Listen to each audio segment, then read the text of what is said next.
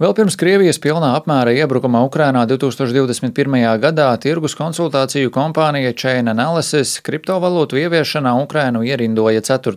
vietā pasaulē. Tai priekšā atradās Vietnama, Indija un Pakistāna. Tā paša gada septembrī Ukraina formāli legalizēja kriptovalūtu un noteica regulējumu. Līdz tam vietējiem iedzīvotājiem bija atļauts pirkt un apmainīt virtuālās valūtas, taču uzņēmumus un biržas, kas nodarbojas ar kriptovalūtām, bieži vien rūpīgi uzraudzīja uzraudzīja tiesība aizsardzības iestādes. Savukārt šogad Ukrainas prezidents Valdemirs Zelenskis parakstīja virtuālo īpašumu likuma projektu, kas atzīs kriptovalūtu kā aktīvu Ukrainā, kad karš būs beidzies. Kā skaidro Mārta Homina, Adelaidas biznesa skolas lektore, kas pētījusi kriptovalūtu izmantošanu Ukrainā notiekošā kara laikā, cilvēki biežāk dzirdējuši, ka kriptovalūtas izmanto sliktiem mērķiem, taču tas nebūtu nav vienīgais to izmantošanas veids. Thing with crypto is that it has a bit of a bad rap. Lieta ar kriptovalūtu ir tāda, ka tam ir tāda kā slikta reputācija.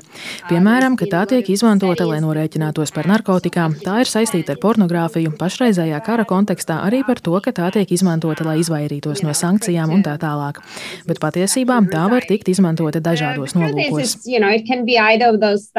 Jau otrajā dienā pēc Krievijas atkārtotā iebrukuma Ukrainā digitālās transformācijas ministrs Mihailo Fjodorovs lūdza savam vietniekam izveidot oficiālus valdības makus, kas varētu pieņemt maksājumus kriptovalūtā.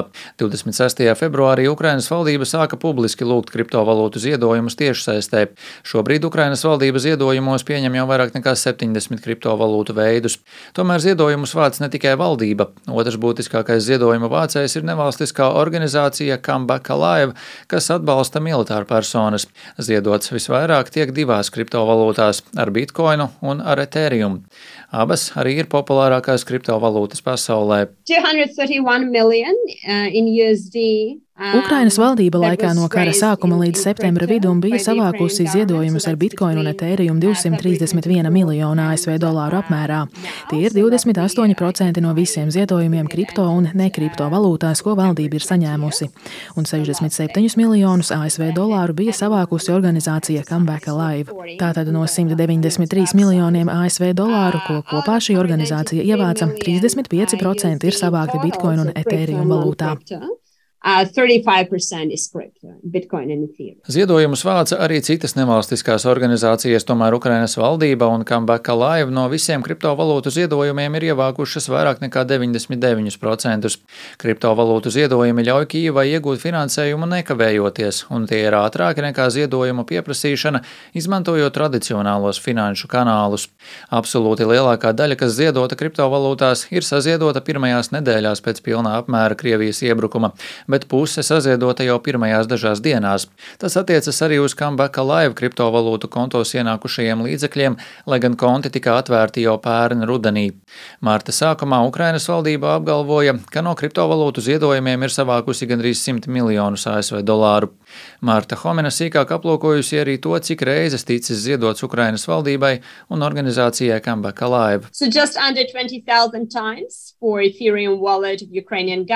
Nedaudz zem 23 tūkstošiem reižu tika ziedots valdības etēriju maciņā un aptuveni 14 tūkstoši reižu bitcoin maciņā, vairāk nekā 7 tūkstoši reižu Comeback Live bitcoin maciņā un 773 reižu etēriju maciņā.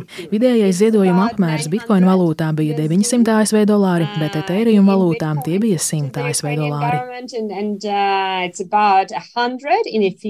Ir tikai daži gadījumi, kad noziedotā kriptovalūtas summa ASV dolāros ir bijusi ļoti liela, piemēram, 2 vai 3 miljoni ASV dolāru. Lai gan ziedojumus veikušas arī dažas iestādes, lielākā daļa ziedojuma nāk no privātpersonām. Piemēram, Ethereum dibinātājs Vitālijas Buterīns veica kriptoziedojumus aptuveni 2,5 miljonu ASV dolāru vērtībā. Kā jūlijā Twitterī izteicās Ukrainas digitālās transformācijas ministra vietnieks Aleks Borņakovs, kriptovalūta ir kļuvusi par būtisku Ukrainas aizsardzības instrumentu, nodrošinot elastību un ātrumu, kas burtiski izglāba Ukrainas karavīru dzīvības.